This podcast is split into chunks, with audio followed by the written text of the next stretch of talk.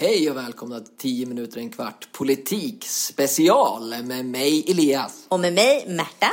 I den här specialserien om politik intervjuar jag och Märta en representant från varje svenskt riksdagsparti. Syftet är att du ska få en bild av vad de olika partierna står för och tycker om den svenska skolan.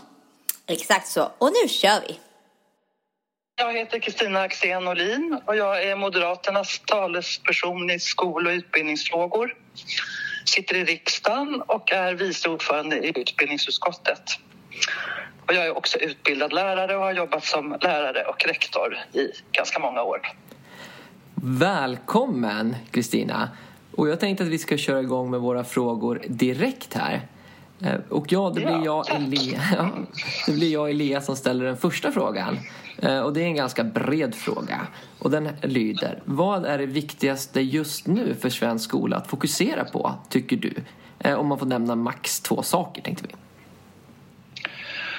Jag tycker inte det finns någon annan viktigare fråga just nu än att se till så att vi får en skola där alla barn klarar skolan.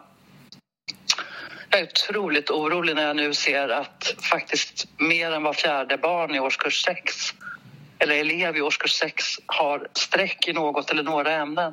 Mm. Och 17 000 lämnar årskurs 9 utan behörighet till gymnasiet. Det är förödande. Så för mig finns det bara liksom en överskuggande fråga och det är att se till så att, vi, att alla barn och elever ska klara skolan. Mm. Mm. Nu kommer jag och Märta in här också. Jag undrar, hur anser ni att lärarnas administrativa börda bör minska? Eller ska minska? Det är många saker man behöver göra för att minska den administrativa bördan hos lärare. Eh, det är allt ifrån att äntligen digitalisera de nationella proven som vi har föreslagit i många år som tyvärr fortfarande inte är verkställt och även ha extern rättning av dem. Eh, men det handlar ju också om skolans hela styrning. Mm som gör att det blir mycket administration. Det blir mycket administration för att det bland annat är så otroligt många statsbidrag. Eh, så att någonstans så det är, så, det är så många saker man måste göra mm. för att minska den administrativa bördan. Men att slå ihop statsbidragen till exempel så att man har mycket, mycket färre än det 70-80-tal som finns idag. Mm. Det är ett sätt, men också att tydliggöra skolans styrning. För idag så kommer det en administrativ börda ifrån olika parter. Det är både liksom staten och Skolverket och Skolinspektionen men även kommunerna mm. och skolans ledning som på olika sätt kräver olika former av, av liksom administration av lärarna. Mm. Ja. Så att tydliggöra liksom, styrningen av skolan och lärarnas och rektorernas mandat att själva ansvara för vad som sker i klassrummet. Det. Eh, det. är ju ett sätt. Ja. ja tack, jätteutförligt och bra. Mm. Om vi då går vidare så vill vi gärna veta vad ni tror är den viktigaste åtgärden för att öka PISA-resultaten.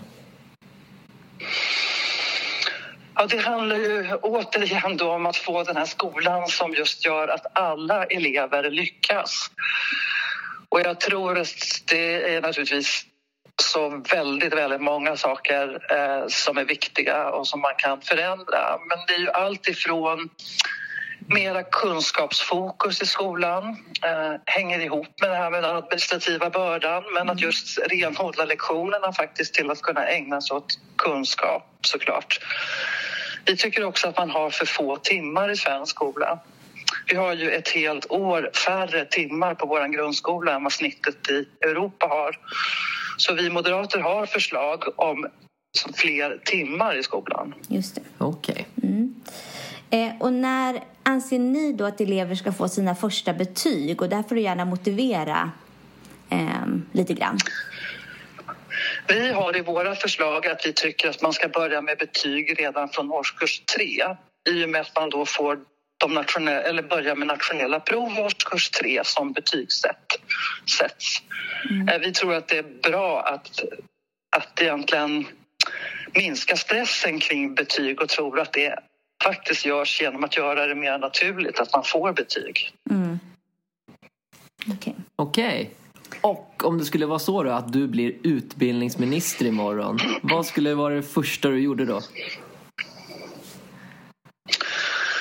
Ja, det viktigaste är ju, med risk för att vara tjatig, men det är att se till så att alla barn möts av höga förväntningar eh, och att alla barn ska klara skolan. Mm. Och det finns ju inte en lösning till det utan det handlar ju om att verkligen möta alla barn liksom, från den nivån de är. Det handlar om att säkra resursskolor så att det finns undervisning för barn som inte klarar av en vanlig skola. Mm. Det handlar om mer svenska. Eh, det handlar som sagt om fokus på kunskap. Det handlar om att se till så att lärarna får vara lärare. Mm. Att vi har de duktigaste rektorerna som kan ägna sig åt det pedagogiska ledarskapet att man har mera mandat i skolan. Självklart ska det vara ordning och reda, lugnt och tryggt på skolan. Mm. Det är väldigt många saker ja. som ska göras. Jag vet inte. Det, är, det är en lång lista.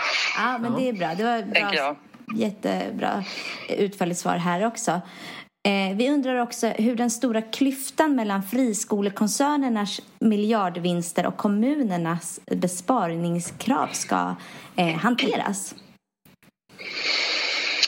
Jag tror att man måste verkligen fundera, som jag säger, både av styrningen av skolan men också finansieringen av skolan. Mm.